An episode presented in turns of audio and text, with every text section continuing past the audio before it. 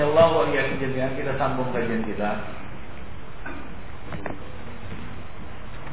Ya dengan masalah yang lagi apa? yang lagi hangat kan begitu. Yaitu apa? Masalah kiblat. Katanya kiblatnya dirubah ya. Dirubah menjadi ke arah apa namanya? Barat laut. Coba di betul-betul diambil peta. Antum di Sumatera menghadap ke barat laut. Jangan-jangan nanti menghadap ke Israel. iya. Coba antum ambil peta, ya antum menghadap ke barat laut. Jangan-jangan menghadapnya ke Israel. Kiblatnya antum ke Israel gitu. Ya orang-orang yang ya kadang ya hal-hal yang tidak ada kaitannya dengan fikih ejek-ejekan gitu. Ah kalian menghadap ke barat, menghadapnya ke Afrika Selatan katanya gitu ya. Ya bisa aja kita balas kalau ejek-ejekan seperti itu. Ya kalian ke barat laut ke, ke Israel sana gitu lebih parah lagi. Tapi bukan Fidin. Ya sebenarnya masalah ini, masalah ini kan sudah kita bahas di sini ya. Ya dulu ya. Kalau masih ingat di sini sudah kita bahas namun di sini akan kita jelaskan ya, e, penjelasan dari e, apa namanya e, tambahan lah kita kata. Kita ulangi lagi lah nggak mengapa. Ya tentang menghadap kiblat. Kalau ditanya mal fardu fi istiqbalil kiblat apa yang wajib dalam hal menghadap kiblat? Menghadap kiblat. Ya. ingat ya beda menghadap kiblat dengan menghadap Ka'bah. ya. Ya, menghadap kiblat dengan menghadap Ka'bah. Kita detail. Nah, sebagian orang mengatakan, "Ah, kita usah pakai nas-nas inilah, ini dogma, hadis-hadis." Ya, itu sifatnya dogma. Kita pakai apa namanya perkataan-perkataan yang lainnya kita harus terima. Ya, kalau kalau kita, kita katakan ya kita gunakan hadis dan kita gunakan ayat dan hadis disebut dogma, lalu kita gunakan perkataan ahli falak itu apa? Dogmi. ya sama saja kan begitu. Ya kita orang Islam mengacunya kepada Quran dan Sunnah. Loh, kalau kita pakai Quran dan Sunnah ditakut-takuti, ya, kamu dogma, kamu terlalu apa namanya kaku dan lain sebagainya. Ya agama ini kan bukan punya ahli falak. Agama ini punya Allah Subhanahu Wa Taala. Allah Subhanahu Wa Taala ya kerahkan penjelasannya kepada nas. Kepada siapa? Nabinya, Rasulnya Muhammad Sallallahu Alaihi Wasallam. Baik. Jadi beda ya sekali lagi ya antara menghadap kiblat dengan menghadap Ka'bah. Ya kenapa saya katakan demikian? Karena Nabi membedakan. Nabi membedakan antara menghadap kiblat dengan menghadap Ka'bah. Baik. Mal fardu fi istiqbalil kiblat. Apa yang wajib berkaitan dengan menghadap kiblat? Amma man amkanahu musyahadatal Ka'bah fal fardu ayyattajiha ila ainil Ka'bah. Nah ini kita ambil dari kitab As-Salah Fathul Jalali wal Ikram Syarah Bulughul Maram Ibn Utsaimin. Saya Ibn Utsaimin menjelaskan.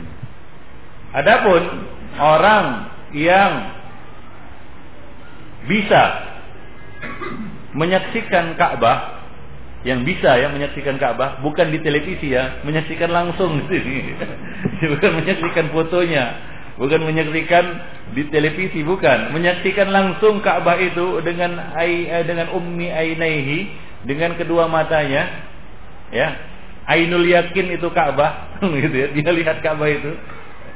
Nah, kalau dia sentuh udah hakul yakin kan begitu. Nah, nah maka fal fardu ayat tajiha ila ainil Ka'bah.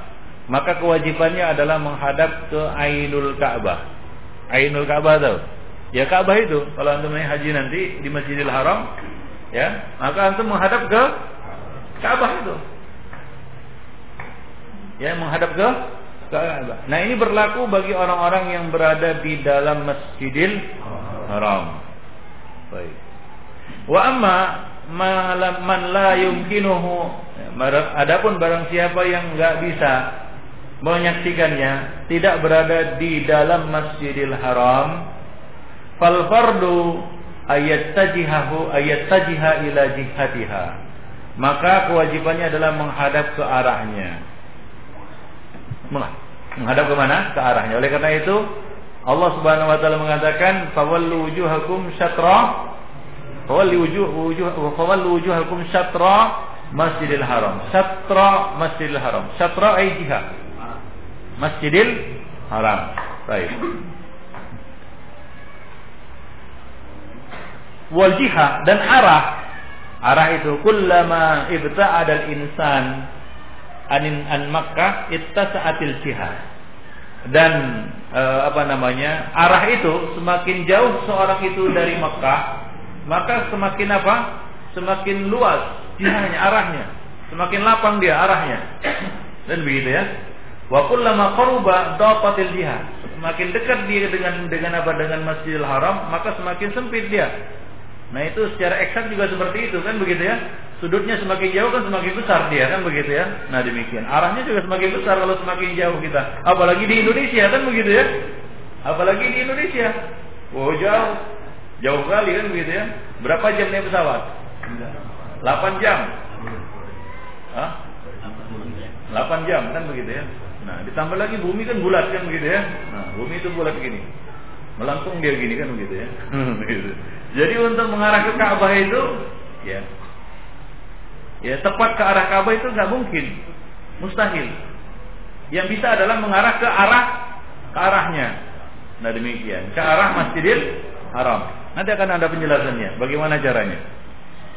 Baik.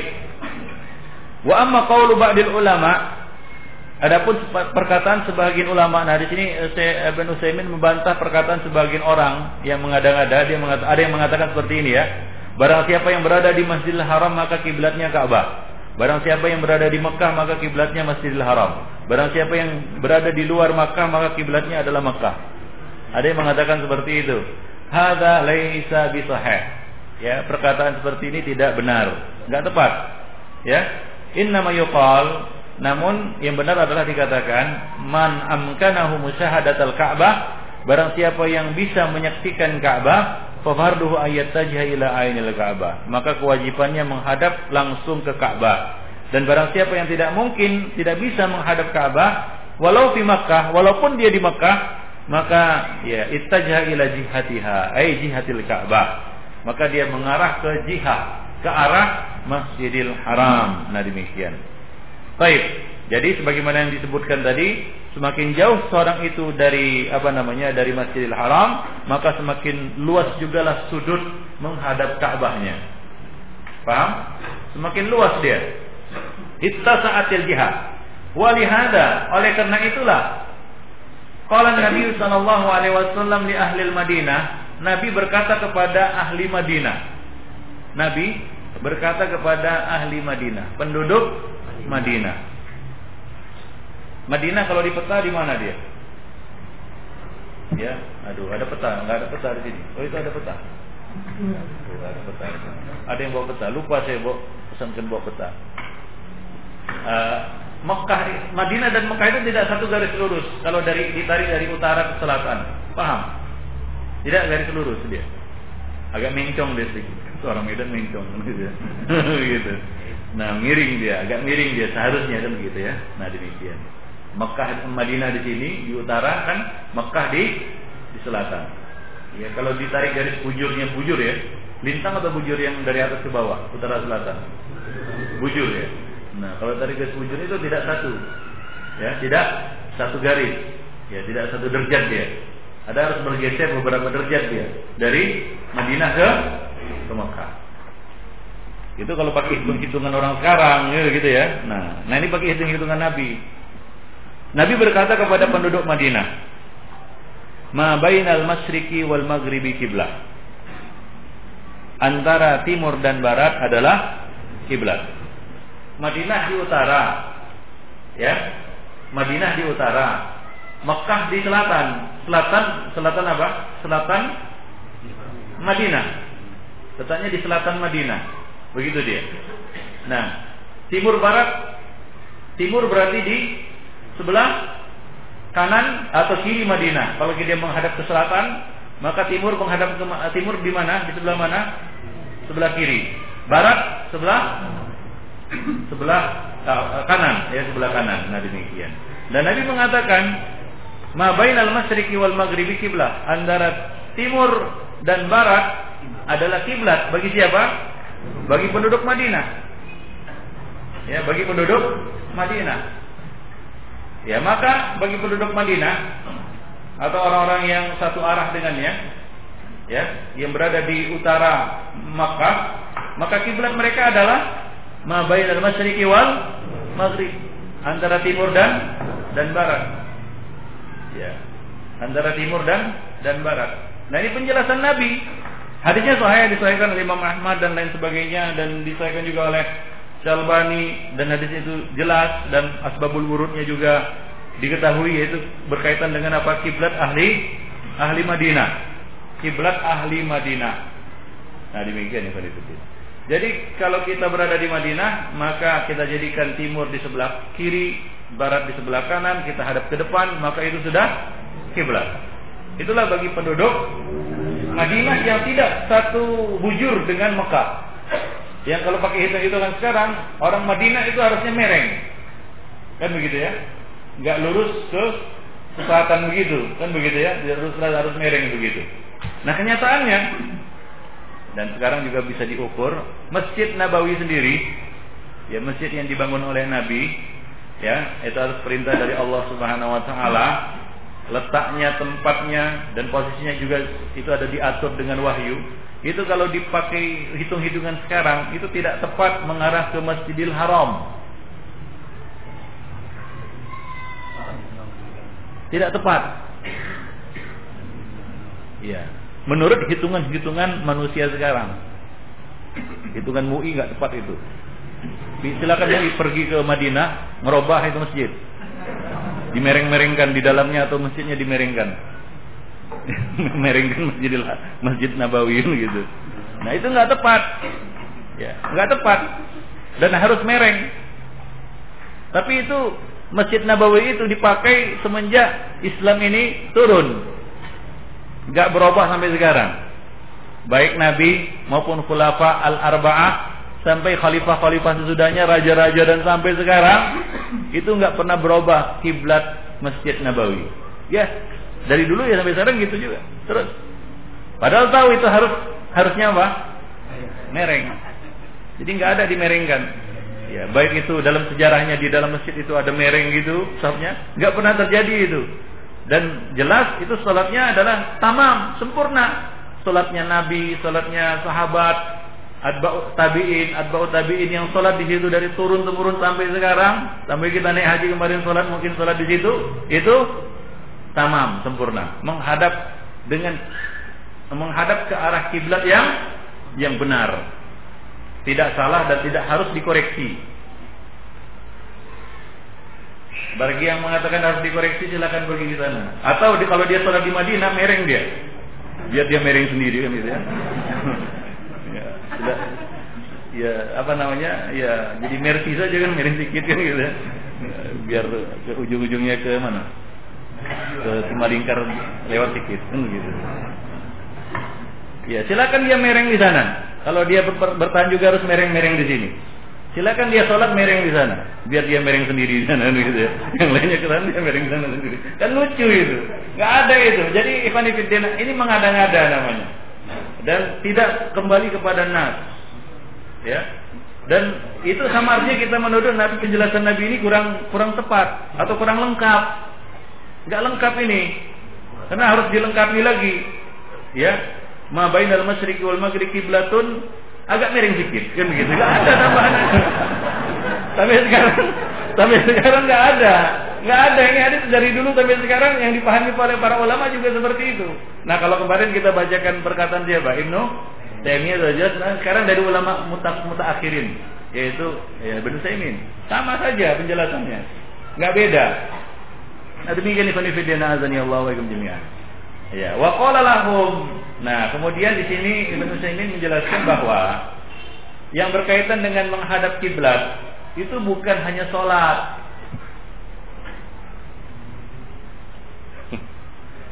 Ada berapa perkara yang berkaitan dengan menghadap kiblat? Banyak. Ya, banyak. Di antaranya apa? Jenazah kan begitu ya. Kemudian buang air, meludah dan lain sebagainya. Apakah itu semua harus pakai kompas? Ya silakan dimeringkan kuburannya juga kan gitu. Jangan masjidnya jadi mereng-merengkan. Kuburannya sana merengkan. Belum tepat itu mayit-mayit menghadap ke barat. Harus ke barat laut. Bongkar semua kan dimerengkan gitu. Kan nggak mungkin. Gila itu namanya Bidin gitu. Ya kan? Coba merengkanlah sana kuburan jalan halat itu dimerengkan supaya semua mayit jenazah menghadap ke mana? Ke arah barat, barat laut. Enggak enggak aja. Gitu. Nah, seperti misalnya menghadap uh, kiblat ketika buang air besar dan buang air kecil itu kan dilarang ya. Nabi mengatakan idza ataitumul wa'id fala tastaqbilul qiblah bi ghaitin wala bi baulin wala tastadbiruha Nabi mengatakan jika kamu buang air besar maka janganlah menghadap kiblat dan jangan buang air besar atau buang air kecil, maka janganlah kamu menghadap kiblat dan janganlah kamu membelakanginya. Ya, jangan menghadap kiblat dan jangan membelah belakanginya. Nah, antum sekarang saya tanya dulu ya, kita ambil pendapat yang mengatakan ya bahwasanya ya bahwasanya baik itu di dalam ruangan maupun di luar ruangan tetap dilarang menghadap dan membelakangi kiblat. Saya tanya dulu di rumah-rumah antum sekarang WC-nya menghadap ke mana? Ya, utara selatan kan begitu ya, utara selatan. Nah, utara dan dan selatan. Nah, nah kalau misalnya Ibn ya kalau misalnya seseorang keluar dia, ya dia buang mau buang air, ya di ke mana ke mana ini? Dia lihat barat sana, Kemudian dia nyimpang sedikit. Ternyata apa? Karena menyimpang malah menjadi menghadap ke ke kiblat. Menurut versi mereka kan begitu ya. Nabi mengatakan apa? Syarriku wa ribu. Maka kamu menghadap ke mana? Ke timur atau ke barat. Ini bagi siapa? Bagi penduduk Madinah. Nabi mengatakan kalau di Madinah buang mau buang air kecil, buang air besar, cukup menghadap ke mana? Ke timur dan ke ke barat timur dan barat selesai. Itu berarti sudah tidak membelakangi dan tidak menghadap. Artinya kalau dia masih menghadap ke utara dan ke selatan, maka dia masih tetap menghadap ke ke kiblat. Itu dia. Ya kalau dia masih menghadap utara dan selatan, apa? Masih masih menghadap utara dan selatan, berarti dia masih apa? Menghadap dan membelakangi kiblat. Nah demikian. Maka Nabi memerintahkan apa? Syariku au au gharribu hadaplah ke timur atau hadaplah ke ke barat nah demikian padahal hada ala annahum ini menunjukkan bahwasanya bila mereka menghadap ya idza ittajahu lil janub kulal janub yakunu kiblah. Jika dia menghadap ke utara mana pun arah utara itu maka dia telah ya membelakangi kiblat ya. Au ila shimal afan eh, janub selatan ya. Ya apa namanya jika dia mengarah ke selatan ya. Ke mana saja dari arah selatan itu ya kunu kiblat maka dia telah menghadap kiblat au ila simal atau dia menghadap ke utara kullas simal ke mana pun arah utara itu maka ya kunu kiblat maka dia telah apa membelakangi kiblat nah demikian oleh karena itu Nabi mengatakan syariku au waribu nggak ada arah lain Nabi perintahkan ya utara selatan timur barat, selesai, mudah. Jadi agama ini apa? Mudah. Jadi jangan dipersulit ikhwan fillah. Azani Allah jami'an dengan hal-hal yang tidak ada di dalam syariat. La yukallifullahu nafsan illa wus'aha. Fattaqullaha mastata'tum. Nah demikian. Baik. Ya, jadi ya tidak perlu kita memberat-beratkan diri ya dengan apa namanya mewajibkan apalagi dikatakan sudah berubah kan begitu ya ya uh, laisa lana uh, an nata'ammaq ya wa naqul la budda an nusib ainal ka'bah wa hiya ba'idah anna harus menghadap ke ainul ka'bah garis lurus. Kan begitu ya? Tepat. Matahari tepat berada di atas Ka'bah. Harus. Nggak ada penjelasan seperti itu. Dari Nabi nggak ada. Ya kalau dari yang lainnya mungkin ada kan begitu ya? Tapi dari Nabi nggak ada.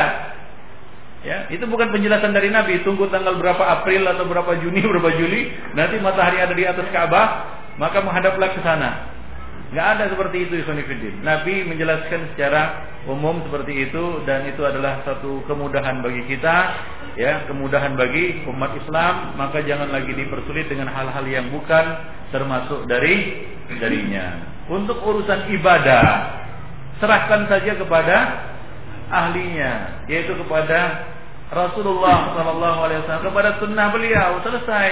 Mau dikotak-katik apa lagi Nah untuk urusan-urusan dunia dan silakan mau pakai ilmu falak mau pakai ilmu hantu belau silakan. Ya, kalau untuk urusan akhirat, untuk urusan ibadah itu jangan pakai hal yang lain kecuali sunnah Rasulullah, Quran dan hadis. Ya, al ilmu ma qala fihi haddatsana wa ma siwa dzaka. Ilmu itu adalah yang terdapat di dalamnya qala hadda sana. Itu hadis, ada sandarannya, ada penjelasannya. Masa Nabi tidak menjelaskan tentang menghadap kiblat sementara salat itu sudah diwajibkan ya semenjak beliau dipanggil Isra dan Mi'raj. Masa belum dijelaskan oleh Nabi hingga kaum muslimin bingung bagaimana? Dan Islam sudah tersebar ya ke mana-mana semenjak zaman sahabat dahulu bukan sekarang saja. Islam sudah sampai Spanyol itu pada masa sahabat juga kan begitu ya ya sampai ke Cina sampai ke mana-mana Afrika Afrika Utara Selatan dan semuanya. Ya sudah sampai ke sana. Dan nggak ada yang meributkan harus tepat seperti sekarang ini kan begitu ya? Nah bukan mereka tidak ada alat-alat untuk me mengetahui hal itu ada. Hanya saja sekarang lebih canggih pakai satelit kan begitu dan lain sebagainya. Ya jadi hal itu ya tidak kita kenal sebelumnya cara-cara seperti itu. Itu cuma mengada-ngada saja jadi nggak perlu digubris itu ya. Nah demikian yang Jangan ya, nggak perlu resah. Ya sudah cukup. Anda kalau masjid ini sudah menghadap ke barat sudah cukup. Nggak perlu barat laut lagi. Jangan-jangan nanti ngadap ke Israel kan gitu. Sudah cukup ini, udah bagus, sudah menghadap kiblat ini. Ya, nah jadi nggak perlu dimereng-merengkan lagi. Karena saya lihat sebagian masjid banyak masjid sekarang ini mereng dia. Merengnya kadang-kadang ekstrim. Hingga ya kadang ya kita lihat ya fungsi masjid itu jadi ya jadi berkurang untuk menampung jemaah. Ya hingga kadang iya apa namanya khotibnya khutbah di mana kemudian imamnya nanti sholat di mana jadi nggak jelas. Ya nah demikian. Terpotong kadang-kadang sampai apa? Sampai ya sop pertama melintang seperti itu. Nah demikian. Jadi ini ya, ya akibat dari ketidaktahuan mereka ya tentang masalah menghadap uh, apa namanya uh, kiblat. Nah demikian. Qanifiddin azani Allah wa. Baik. Nah itulah berkaitan dengan apa namanya uh, menghadap kiblat itu. Baik. Itu saja kajian kita pada hari ini. Ya mudah-mudahan ada manfaatnya bagi kita sekalian.